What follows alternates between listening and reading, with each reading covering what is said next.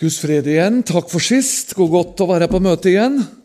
Tenk hvor herlig vi har det. Tenk igjen når vi satt her, at vi kan få lov en slik helg og en lørdagskveld også komme på møte istedenfor fyll og fest og rør og rot på en fest. Så får vi lov å gå til Guds hus, tilbe Jesus og være opptatt med det viktigste av alt himmelens herlighet og Jesus.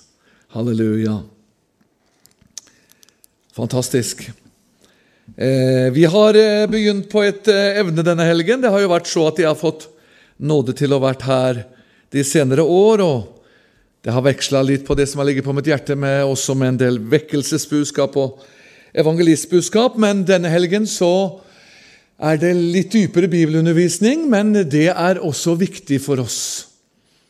Eh, du vet, Jeg er oppvokst med de gamle høvdingene som Gilbrandt og Svartdal og, og Magne Tangen og disse her, og der var det ordentlig mat og ordentlig fôr å få, og, og mye Guds ord. Så eh, jeg husker det kom for meg det var en gang eh, Jeg hadde jo siste åra Hans Svartdal levde, så hadde jeg jo han flere ganger i menighetene der var forstander, og så prata vi jo en del sammen om forskjellige ting, og jeg lurte på ting, og så sa han det Dette her er jo over ti år siden. Ti-tolv år siden. Så sa han tenk at det har blitt sånn iblant oss, John Willy, sa han. At eh, det er eldstebrødre og lederskap som sier til meg at eh, Nei, Hans, vi vil ikke ha deg på besøk eh, lenger, for at du siterer altfor mye Guds ord. Du preker altfor mye Guds ord. Hva er det vi skal gjøre hvis vi ikke har Guds ord? Ja, det er det vi har å bygge på. Det er Guds ord. Halleluja. Eh, men det er jo selvfølgelig litt forskjellig. Noen ganger er det evangelistbudskap, noen ganger så er det vekkelsesbudskap, og noen ganger er det undervisning og dypere undervisning. Vi, vi må skifte på det, så vi trenger forskjellig kost. Eh, og denne helgen så deler vi, ble stille for det. Jesus kom etter Skriftene. Jesus kom etter eh, Guds ord, som vi var inne på i går. Jesus kom ikke tilfeldig. Eh, det var ikke noe som bare plutselig datt ned over eh, jorden, men helt ifra skapelsen av, ja, som vi var inne på i går, fra evighet av, så hadde Gud en plan. Der framme så skulle han sende sin sønn for å redde denne verden. Det var ikke planløst, det Gud hadde å gi oss. Men eh, det var etter Guds profetiske ord.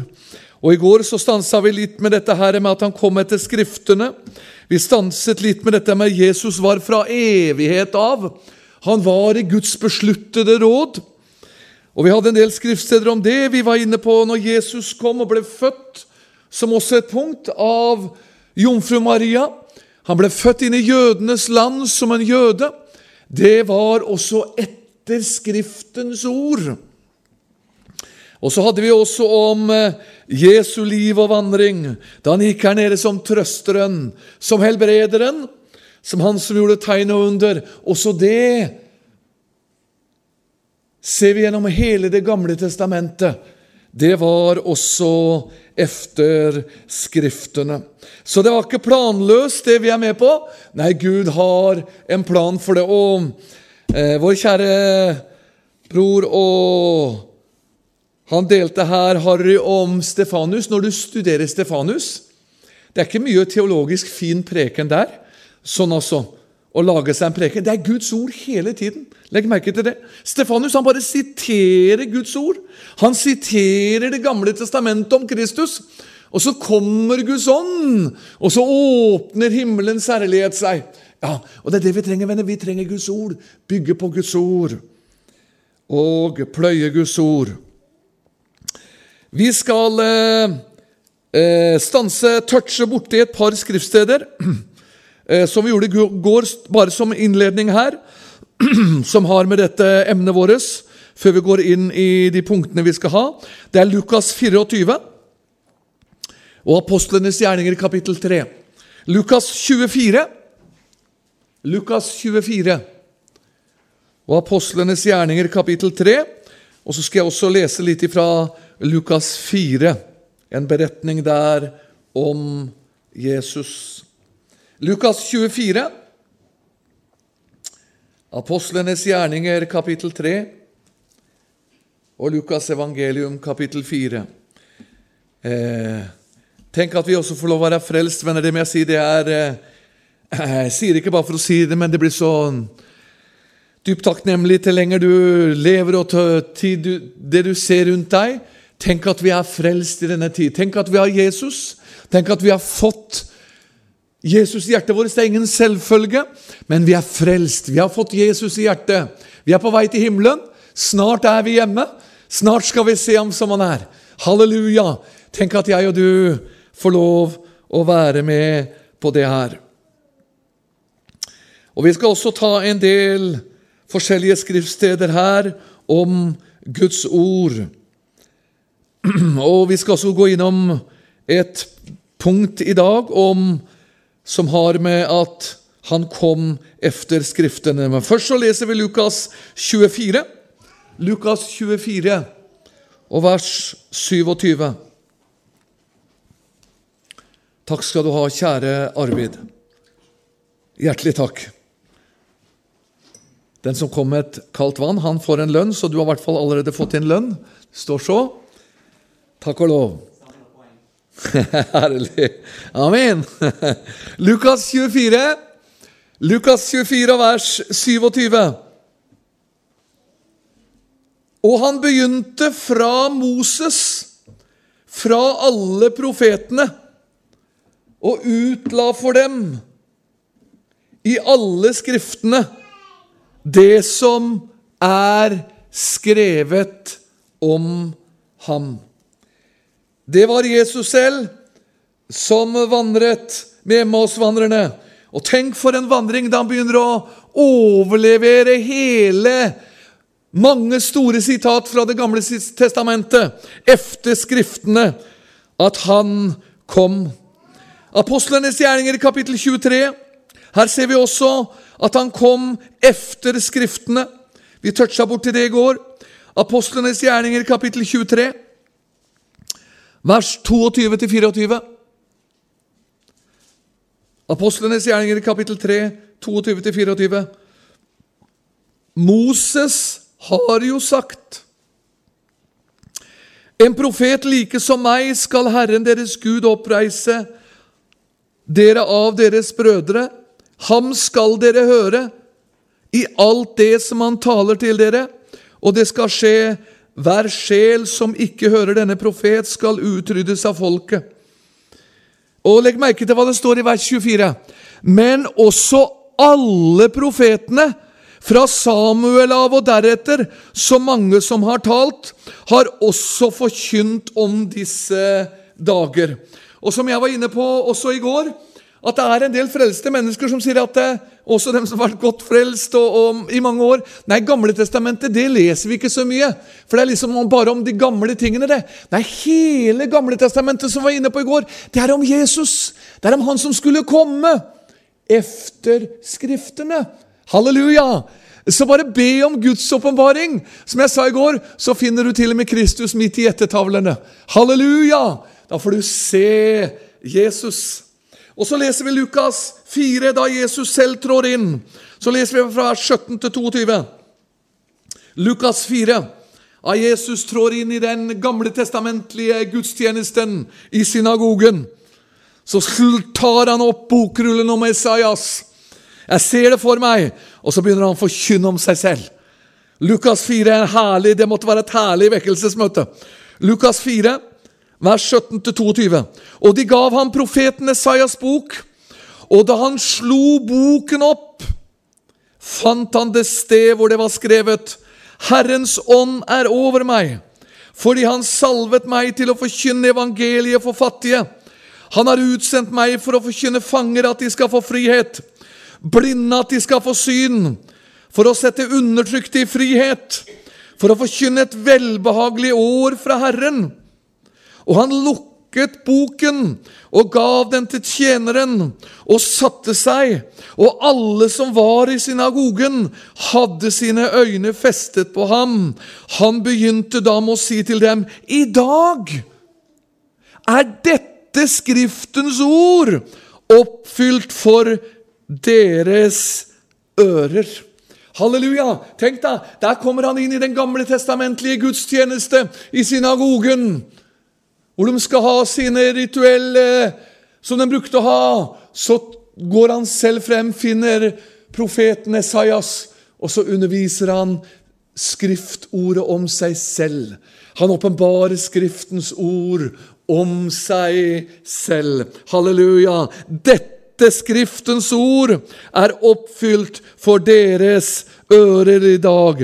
Hele Det gamle testamentet har som hovedgrunnmur Overordnet alt annet så er det taler det om Han som skal komme der framme. Direkte skriftsteder og bilder, forbilder på ham som skulle komme.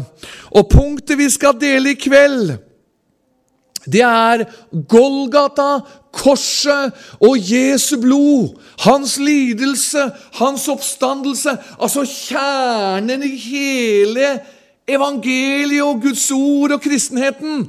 Kors og Golgata, det var også fra evighet av så talte Gud om det som skulle komme der framme. Hør hva jeg sier nå! Ofringene i Det gamle testamentet. De ofret dyr, og det var blodofringer om det ene og det andre. Vi skal gå litt inn på det nå.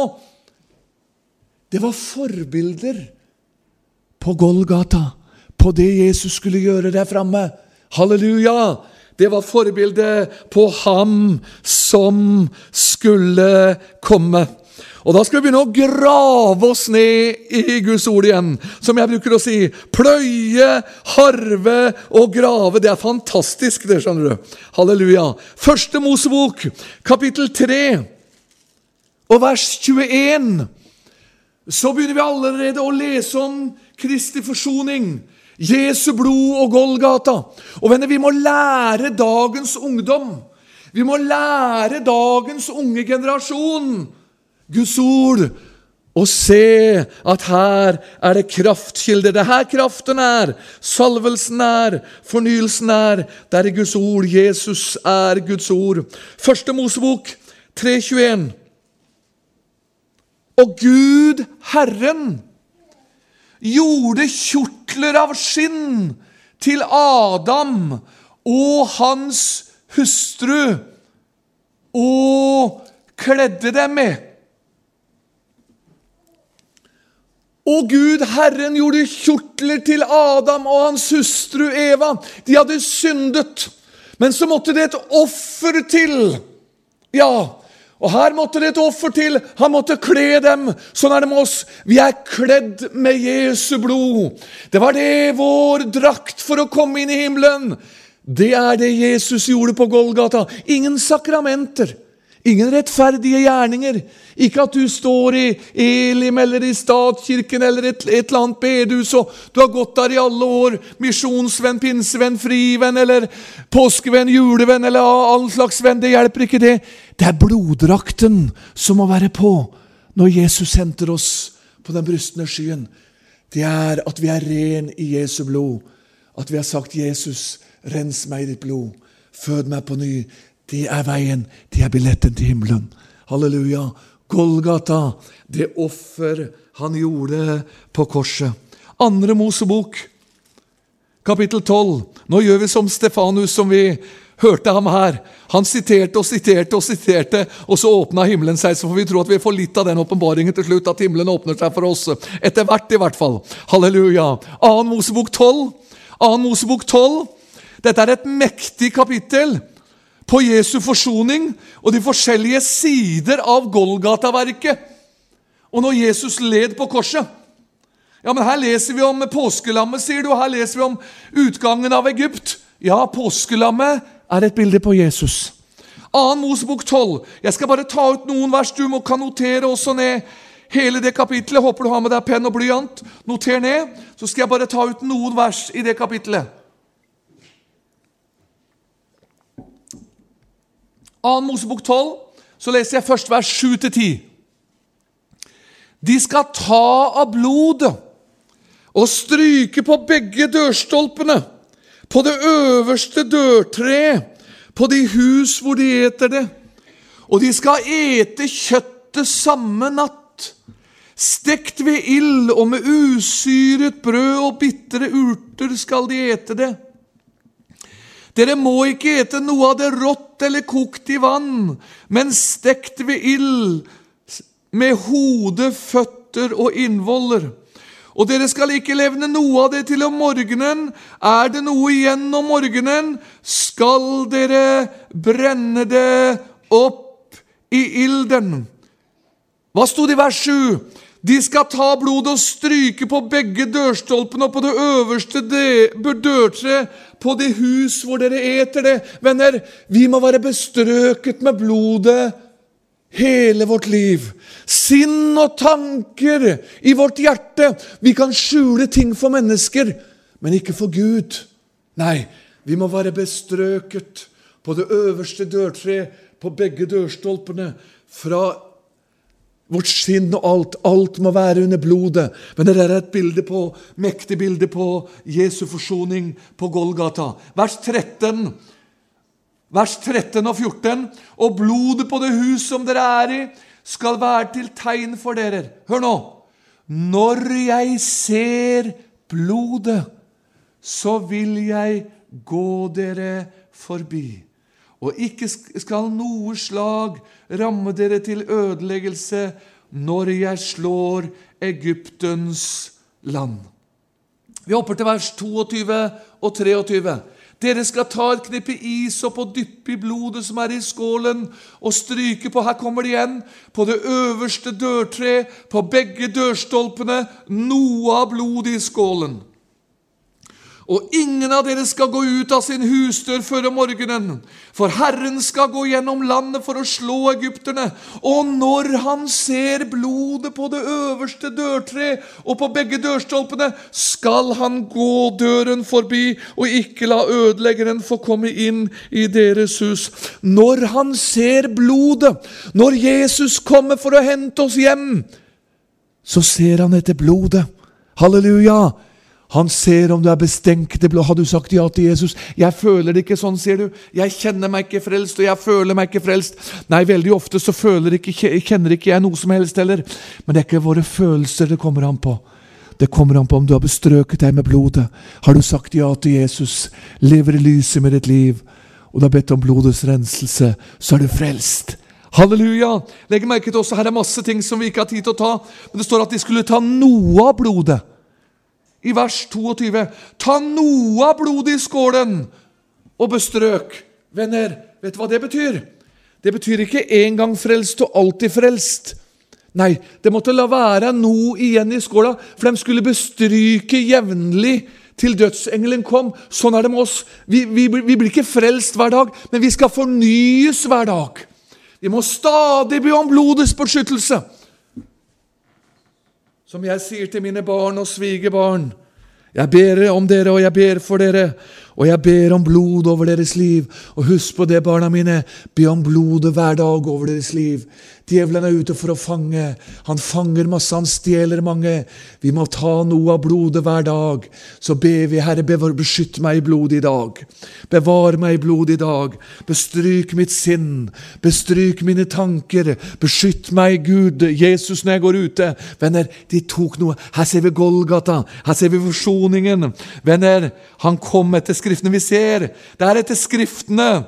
Også Det gamle testamentet taler etter Skriftene. Andre Mosebok.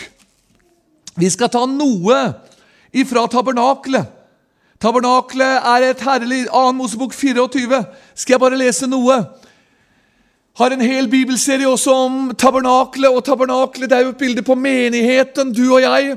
Og ypperstepresten er et bilde på Jesus da han kom inn. Yppersteprestens tjeneste er jo forbildet det er også en herlig bibelserie om yppersteprestens gjerning, for det er et bilde på Jesus. Men vi skal lese i 2. Mosebok kapittel 24.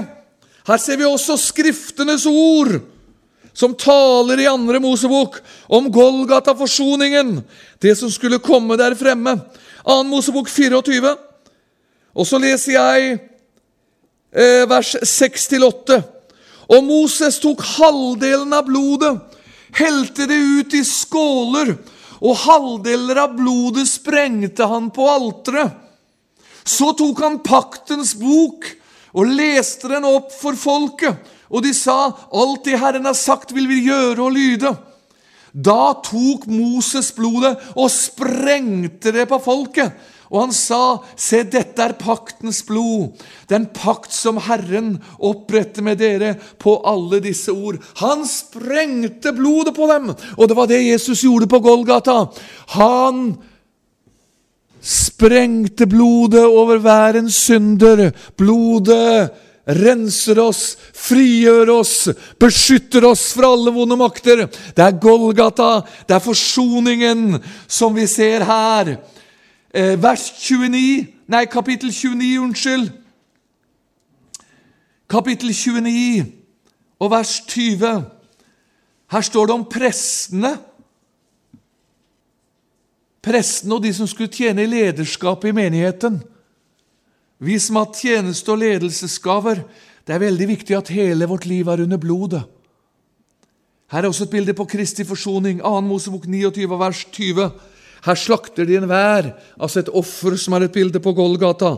2. Mosebok 29, 20. Og du skal slakte væren. Hør, du skal ta av dens blod og stryke på den høyre ørelapp på Aron og hans sønner, og på tommelfingeren på deres høyre hånd, og på stortonen på deres høyre fot. Og du skal sprenge resten av blodet rundt om på alteret. Ser du? Hele ifra hodet til tærne. Alt måtte være under blodet. Ingenting vi kan skjule, som sagt, ting for mennesker, men alt må være under blodet. Halleluja! Ingenting kunne skjules. Og så var det på deres høyre side. De er guddommelige tall, det. Han satte seg på høyre side av Faderen. Jesus sa 'kast garnene på høyre side'. Halleluja! Det var blodet som måtte bestrykes. De ble ren og rettferdig, himmelen verdig. I kraft av blodet så skal vi forlate Mosebøkene ved å lese i fjerde Mosebok, kapittel 21. Her ser vi direkte Golgata, forsoningen, som Jesus vi vet når vi leser det. Så er det det Jesus siterer til også sammen med Nikodemus. Når Nikodemus kommer til han om natten. Fjerde Mosebok, kapittel 21. Og der leser vi vers 8. Her ser vi Golgata, forsoningen. Fjerde Mosebok 21, vers 8. Da sa Herren til Moses, gjør deg en serafslange, sett den på en stang, så skal hver den som er bitt og ser på den, få leve. Så gjorde Moses en kobberslange, satte den på en stang. Og når en slange hadde bitt noen, og han så på kobberslangen, ble han i live. Husker vi hva Jesus sa til Nikodemus? Ja, like som slang Moses opphøyet slangen i ørkenen, sier Jesus til Nikodemus. Således skal menneskesønnen bli opphøyet. Det er et bilde på Kristi forsoning. De måtte se på slangen, og så ble de frelst. Det holder, det. Vi gjør det så vanskelig noen ganger, vi. Og noen tror det er vanskelig. De skal liksom rettferdiggjøre seg til frelse. Og bygge seg opp til en åndelig standard, så blir du frelst. Nei, slapp av. Du bare ser på Golgata. Be om blodets renselse. I et øyeblikk blir du frelst. Halleluja! Her er Golgata, her er Kristi forsoning. Han kom etter Skriftene. Her ser vi hvordan Guds ord forteller hvordan han kom efter Skriftene. Første Samuels bok. Det er masse bøker vi kunne ha tatt her. Vi må hoppe forbi en del av de. Første Samuels bok, kapittel 7. I Samuelsbøkene også. Det er masse om forsoningen. Det er masse om Golgata. Det er masse om korset. Så har du ikke begynt å vandre i Det gamle testamentet, da er det på tide at du tar noen timer per dag. Ja, Og så begynner du å lese halleluja, og så får du se Kristus i Guds ord i Det gamle testamentet også. Første Samuels bok, kapittel 7. Jeg skal bare ta ut vers 9 og 10. Her er det Israel som er et bilde på menigheten, som er i ferd med å, å bli overrumplet av fienden. Men Samuel, han ser hemmeligheten. Golgata, forsoningen, blodet. Vers 9 og 10, 1. Samuel 7. Da tok Samuel Her kommer lammet. Kristus er et bilde på lammet. Vi finner det igjen i åpenbaringsboken og hele gjennom hele Bibelen dette diende lam og dette ofrende lam. Da tok Samuel et diende lam, ofret det helt som brennoffer til Herren. Og Samuel ropte til Herren for Israel, og Herren svarte ham. Hør! For mens Samuel ofret brennofferet, og, og filistrene rykket frem til strid mot Israel, da sendte Herren samme dag et sterkt tordenvær over filistrene og forferdet dem, så det blir slått av Israel. Når ble fienden beseiret? Da han ofret det diende lam. Her er et bilde på forsoningen. Da Jesus ofret seg selv på Golgata, så ble fienden, djevelen, knust gjennom Kristi forsoning, gjennom blodet. Halleluja! Det var kun blodet man hadde prøvd gjennom hele historien. Men det var kun blodet på Golgata som kunne beseire djevelen og ondskapens ånde her. Halleluja! Vi var innom salmene i går når vi så på de andre avdelingene når det gjaldt at Kristus kommer til Skriften. Og Vi skal gå inn i salmene nå også og se på noe. Salmen er jo full av Jesus og full av de forskjellige sider av Jesus. Salme 8 skal vi se litt på.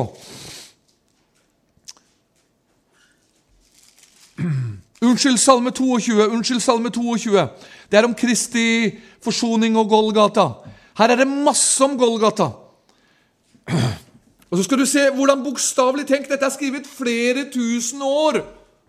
Før Jesus ga seg selv på Golgata, så er det bokstavelige vers som Jesus gjentar på korset, som jeg sa i går.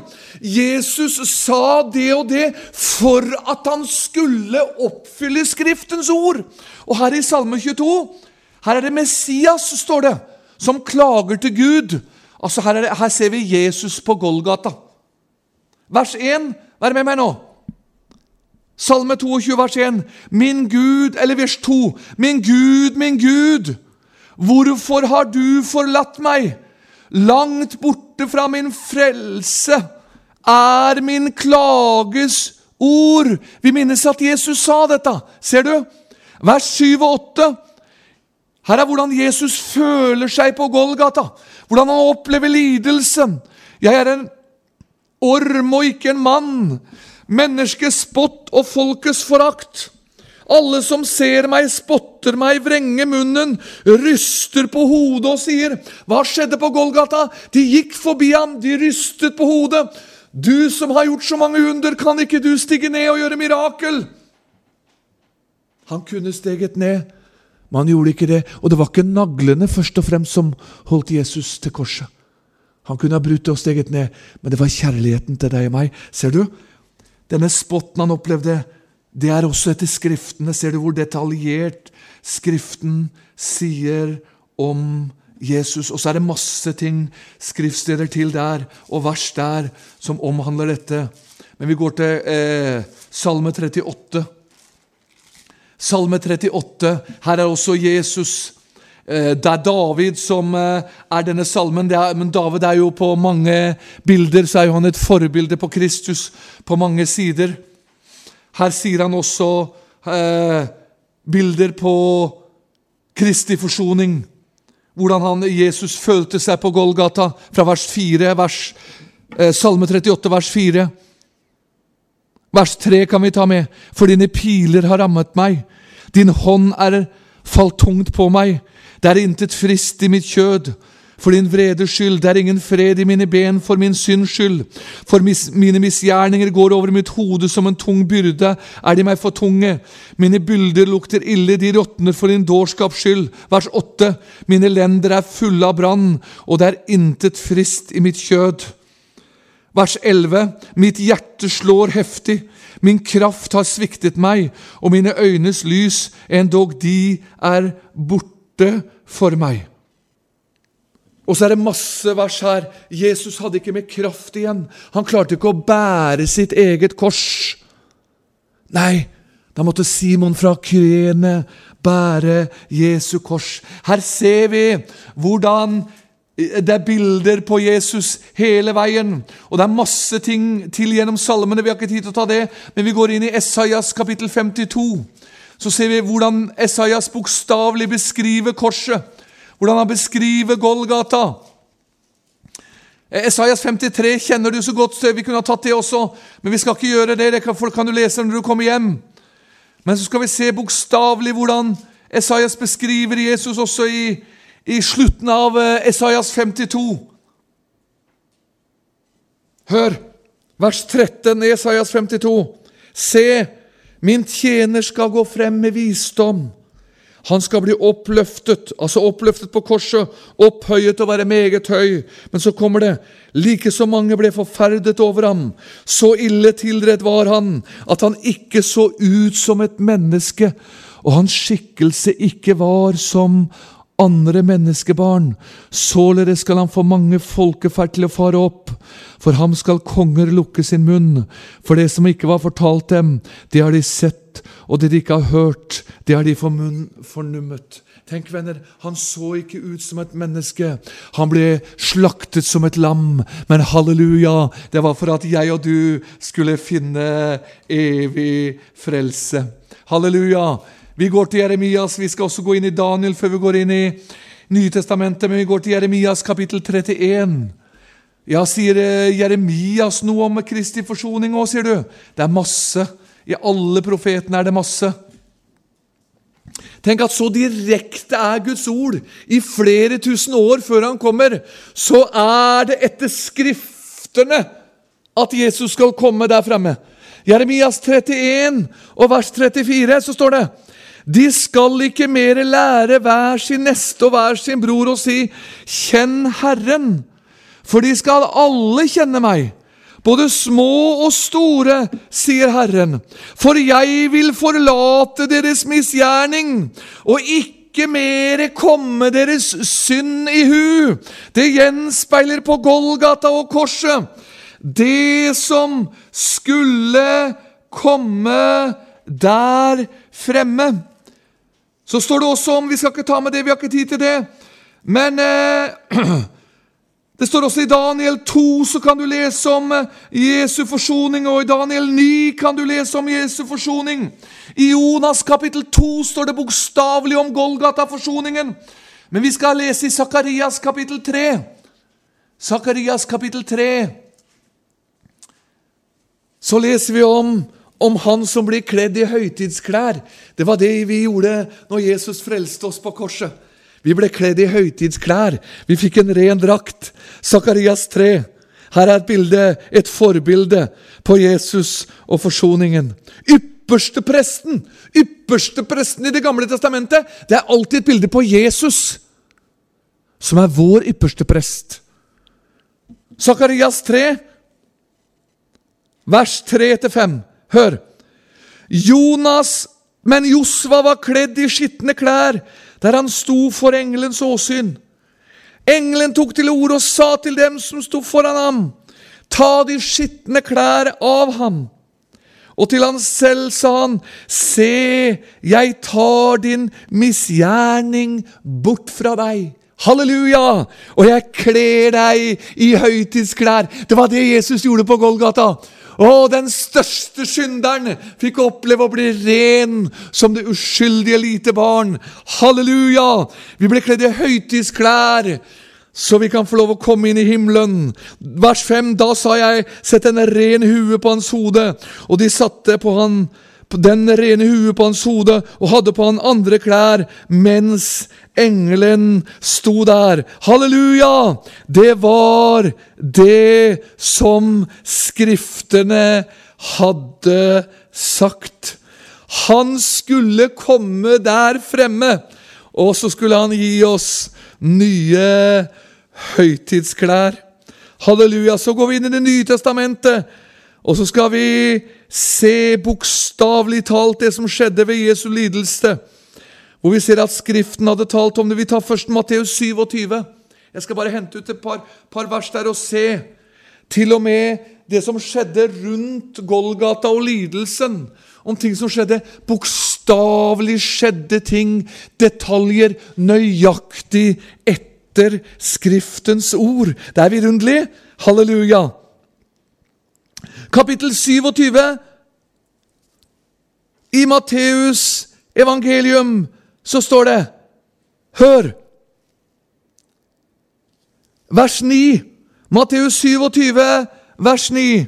Det er om Judas du leder foran der. Judas forrådte Jesus, gikk bort og hengte seg. Var det tilfeldig? Nei.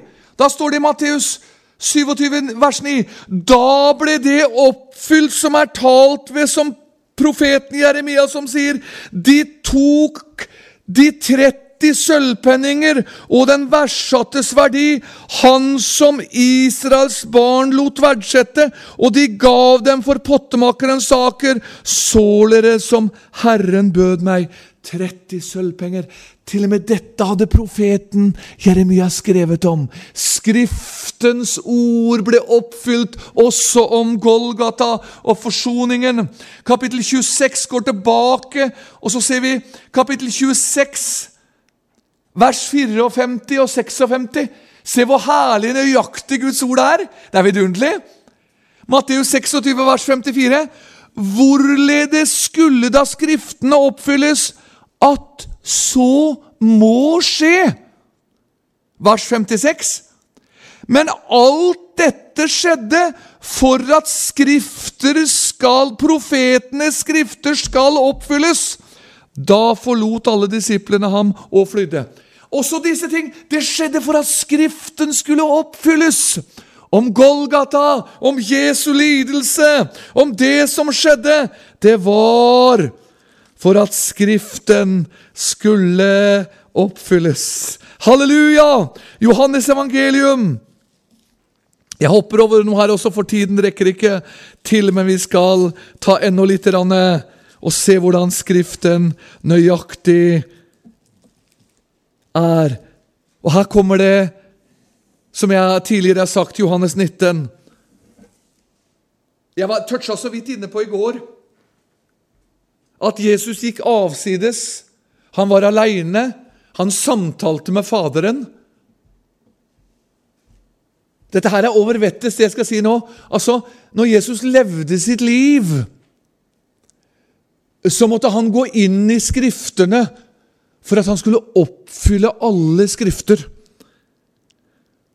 Og da sa han ting også på korset for at han skulle oppfylle Skriftene som var sagt forut. Og legg merke til, Se hvor nøyaktig det er når Jesus er på Golgata og korset. Ser du her? Johannes 19 og vers 28. Legg merke til her. Eller vi kan ta med vers 24 også. 24 og 28. Her er Jesus på korset. Vers 24. De sa til hverandre, altså stridsmennene, La oss ikke rive den i stykker, altså kappen til Jesus. Men la oss kaste lodd om hvem som skal ha den. Hvorfor gjorde de det? Var det tilfeldig? Nei, hør! Det var for at Skriften skulle oppfylles. De gjorde, det var ikke bare noe stridsmennene fant på. De, de ble, det ble gjort fordi at de var med i Skriftenes oppfyllelse. Ser du hvor nøyaktig det er med Guds ord? Ser du hvor herlig det er? For at Skriften skulle oppfylles. Som salmen sier i Salme 22 De delte mine klær, vers 24, altså i Johannes evangelium. De delte mine klær mellom seg, kastet lodd om en kjortel. Dette gjorde da stridsmennene. De oppfylte Skriftens ord om Kolgata, om forsoningen, om Jesus. Og så står det i vers 28, hør Deretter jeg elsker de uttrykkene av Jesus. Halleluja. Legg merke til hva det står. Deretter, da Jesus på måfå og tilfeldig trodde at ting skjedde Nei! Da Jesus visste, på grunn av Skriften, at nu var alt fullbrakt, for at Skriften skulle oppfylles, så sier han, 'Jeg tørster'. Ser du? Han var Skriften. Han levde i Skriften! Skriften var Jesus! Er det ikke skjønt? Halleluja! Å, det er vidunderlig! Han sa det, han gjorde det. Og vers 36 og 37, legg merke til. Det er masse ting imellom her som vi ikke har tid til å lese. Vers 36 og 37. Vær med meg nå. Johannes 19. For dette skjedde Hvorfor? For Skriften skulle oppfylles. Johannes 19, 36. Da stridsmennene gikk med spyd og stakk i alle siden, de sidene til røverne, så stakk de ikke i Jesus side. Hvorfor? Var det tilfeldig, det òg? Nei, det var for at Skriften skulle oppfylles. Ser du hvor herlig det er med Guds ord? Vers 36 i Johannes 19. For det skjedde for at Skriften skulle oppfylles. Intet ben skal brytes på ham. Det står i 2. Mosebok 12. Så fortalte Gud allerede at dette skulle skje. Og vers 37. Atter sier et annet skrifte. De skal se på han som de har gjennomstunget. Sakarias 12. Ser du? Efter Skriftene så skjedde alle detaljer. Dette er så salig, sa Sverre Kormo, så nå kommer jeg snart ned i salen og tar meg en dans. Og jeg har cowboybutsa på meg, så da kan det bli litt herlig. Venner, se, det er så herlig når Skriften blir levende! Halleluja! Er, det er vidunderlig. Tenk, der kan jeg sitte i den lille leiligheta mi inne i skauen i Vennesla. Stille og rolig og for selv om du tror at jeg skravler og er veldig sånn frimodig, så er jeg veldig stille, og ofte stille også. Sitter jeg, Så begynner jeg å lese Guds ord og studere Guds ord. og liksom Lenge noen tror at vi predikanter vi, liksom, vi begynner å studere sånn når vi kommer på møtestedet dit vi skal. Det er lenge før så må vi leve i det og bo i det. Og begynner å studere, så går det én time, og to timer, og tre timer og fire timer. Og, og, så, og, og så, bare, Det blir så sterkt at liksom du har plutselig Nei, jeg har visst ikke spist de her på en fire-fem timer. Du, Skriften blir levende! Er det ikke herlig? Det er så salig! Ja, Og så lurer vi på Nei, det er så tørt iblant oss, og det skjer ikke så mye iblant oss. Nei, men hva gjør du med Guds ord? Ja, vi har ikke tid, sier vi. Vet du, Jeg har gjort en regel med meg sjøl. Og det er, det er noe med at Jesus, Hvis vi ber Jesus om nåde og kraft Det er ikke noe med oss sjøl. Jeg er det svakeste, noe av det svakeste som finnes. Men Jesus gir meg kraft. Hva er det første du tar i? Er det Facebook? Er det avisa? Er det annen litteratur? La det være Guds ord. La det være Guds ord! Før jeg tar opp noe som helst. Jeg er både på Facebook og Twitter og litt forskjellig for å, for å spre ut evangeliet og orientere mennesker om litt forskjellig. og Menneskene kan være, følge med og være med og be for meg. Men jeg har gjort en regel for meg sjøl. Aldri inn på medier før jeg får minst en time eller to på morgenen med Guds ord. Og dernest noen timer utover dagen. Først Guds ord. Her ligger livet. Her ligger kraften! Her ligger salvelsen! Her ligger, venner, innvielsen. Ja, halleluja! Vi må bli et lesefolk igjen! Vi må bli et bønnens folk igjen! Vi må bli et faste folk igjen! Det er ikke noe at jeg skal og jeg må. Ja, nå må jeg, nå skal jeg. Nei, det går ikke. Men du kan be Jesus gi meg kraft. Gi meg nåde. Eller som salmisten sier, gi meg lyst. Ja, hvis du går inn og sier at ja, nå skal jeg, nå må jeg. Nei, det blir håpløst. Vi klarer ikke nå sjøl, men Jesus, gi meg lyst. Nå vil jeg sette ting til side. Nå vil jeg grave meg ned i Guds ord. Herlig! Halleluja! Det er vidunderlig. Venner, etter Skriftene så skjedde det. På grunn av Guds ord så skjedde det. Halleluja! Han kom etter Skriftene. Tenk hver minste detalj! Det som stridsmennene gjorde. At de ikke sendte spyd i denne soldaten i sida til Jesus. Og til og med når Jesus hang på korset, full av smerte og lidelse Han skulle vel ha noe annet å tenke på holdt jeg på å si, enn De gamle testamentets skrifter. Nei, det var fullkommenhet. Da sa han ting for at han oppfylte Skriften. Ser dere, venner? Det er ikke noe eventyr vi er med på. Nei, det er evighetsvandrere. Vi er på vei hjem. Halleluja. Det er så nydelig. Det er så skjønt! Halleluja! Golgata, forsoningen, Jesus seier. Alt sammen skjedde på grunn av at Skriftens ord hadde sagt det på forhånd. Halleluja! Så går vi inn og skal vi se på Golgata, forsoningen, også i brevene litt. Grann. Eh, I Galater, Galaterbrevet 3. Jeg har jo en evighet der. Vi kunne jo drive lang vei også med dette. Vi har jo en helt evighet bare med dette. Jeg må hoppe over masse ting her. Galaterbrevet er også et herlig brev om Kristi forsoning og om Golgata. Venner, og Efeserbrevet også er det, men vi går inn i Galaterbrevet kapittel 3. Se at jeg har notert meg. Ja, her er også etter Skriftene. Her gjentar Paulus, gjentar også Peter og alle sammen. Gjentar det som har stått. Galaterbrevet 3. Golgata-forsoningen, ser du. Galaterbrevet 3, 13. Kristus kjøpte oss fri, altså på korset, på korset, fra lovens forbannelse idet han ble en forbannelse for oss fordi at det skjedde tilfeldig. Nei, fordi at det er skrevet. Forbannet er hver den som henger på et tre. Hvorfor måtte Jesus henge på et tre? Fordi Skriften sa det. At han måtte dø på et tre. Han måtte oppfylle Skriftens ord også når det gjelder det. Halleluja! Og så går vi inn i første Peters brev. Jeg må gå fort her nå for tidens skyld, for å ta med meg Golgata og forsoningen.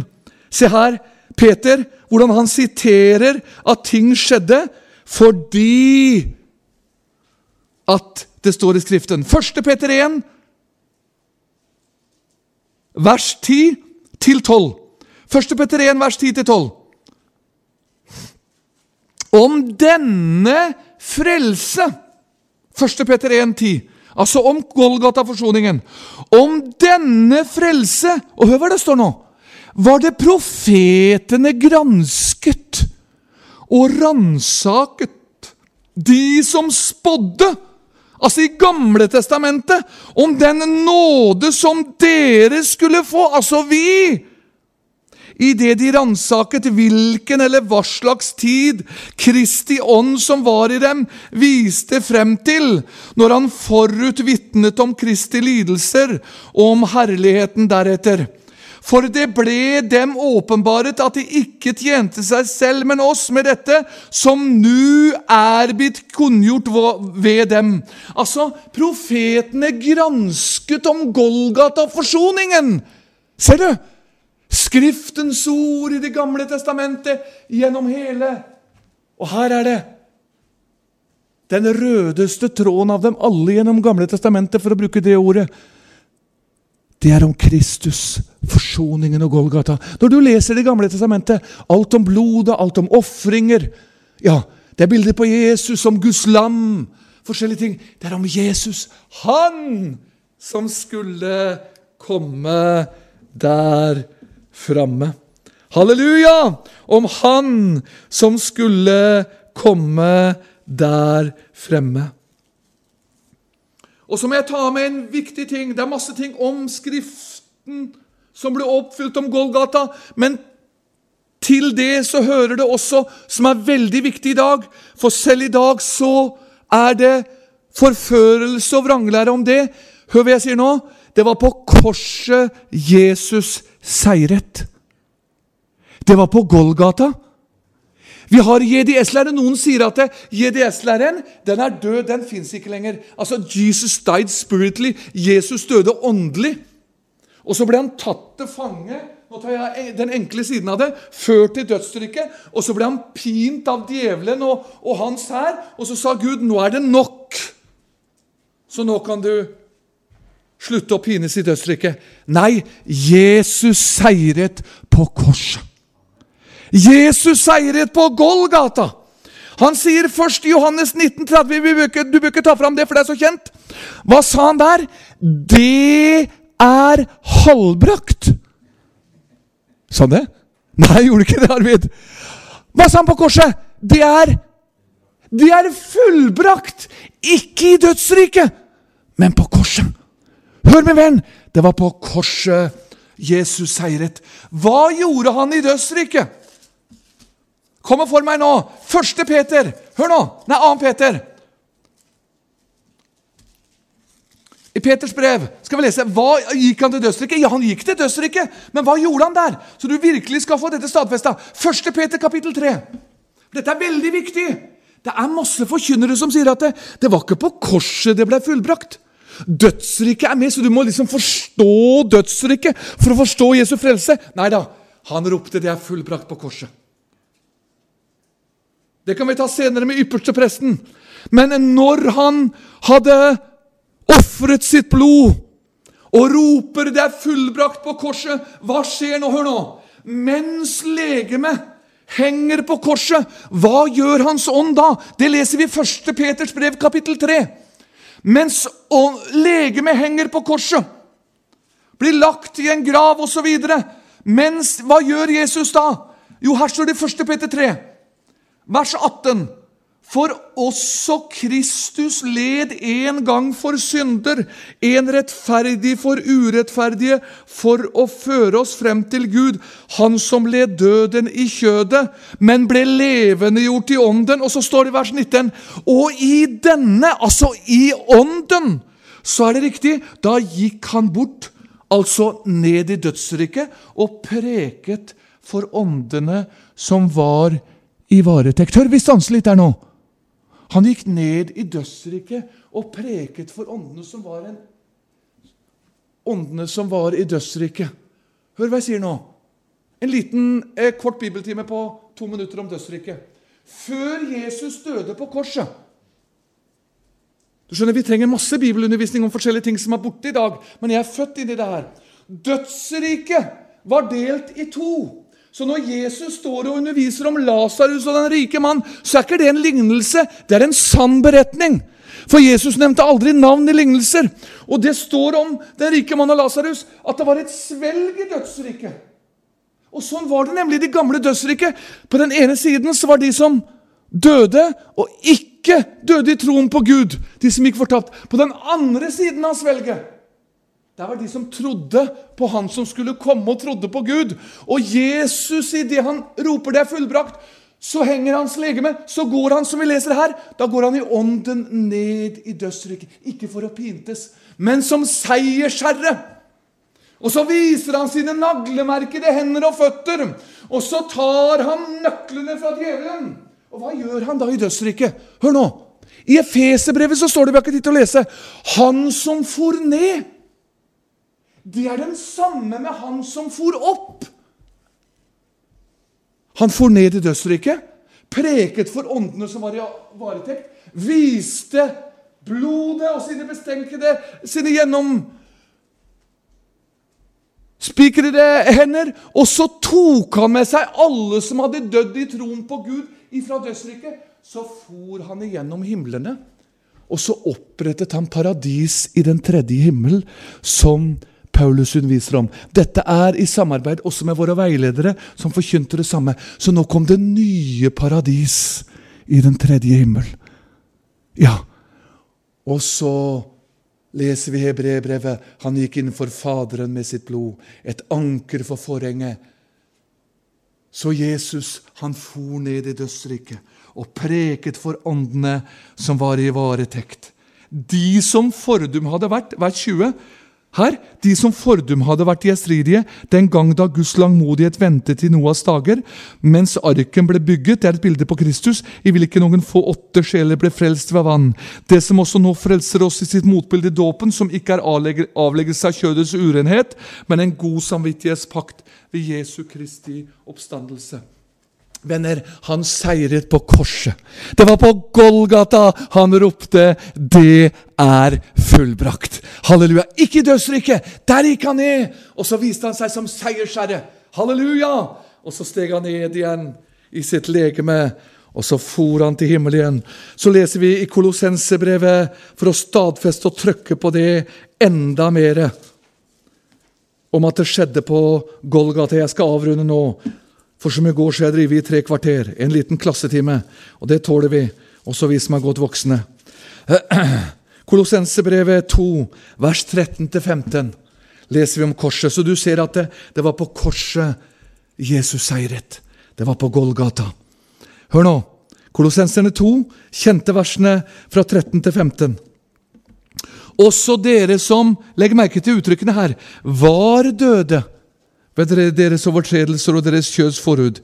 Dere gjorde han levende med ham idet han tilga oss alle våre overtredelser, utslettet skyldbrevet mot oss, som var skrevet med bud. Det som gikk oss imot, det tok han bort idet han seiret fullkomment i dødsriket. Nei, idet han naglet det korset.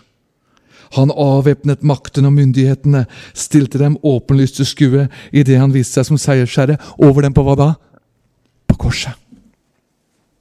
Halleluja! Du er frelst. Du er ikke barn. Jesus seiret hvor? På korset. Gjennom sitt dyrebare blod. Og så var du en synder. La merke til det. Vi var døde. Paulus underviser om Kristus Efeserbrev forskjellig. vi var døde, nå er vi rettferdiggjort. Du er rettferdiggjort. Du er fri i kraft av Jesu Kristi forsoning. Halleluja.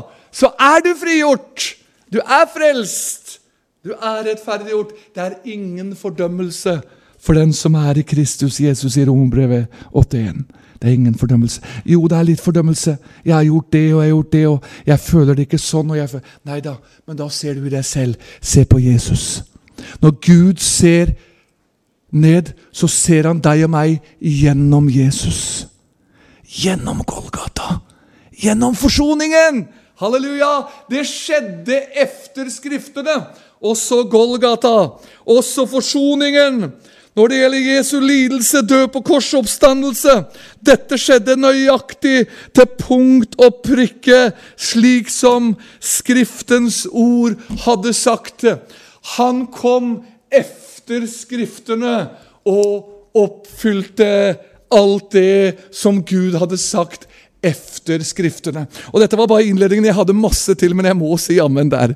Venner, er det ikke herlig? Det vi er med på, det er ikke eventyr. Det er ikke tilfeldige ting. Men vi er frelst. Vi er rettferdiggjort. Hele Jesu liv, hele Guds menighet, er bygd opp på Skriften. På det Jesus gjorde på Golgata, på alt han gjorde. Det er bygd helt ifra første blad i Bibelen til siste åpenbaringsbok.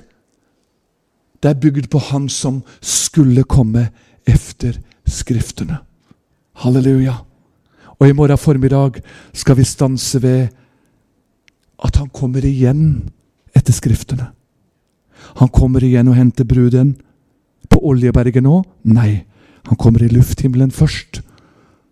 Og så skjer det en, en del ting mellom der, og så kommer han tilbake igjen.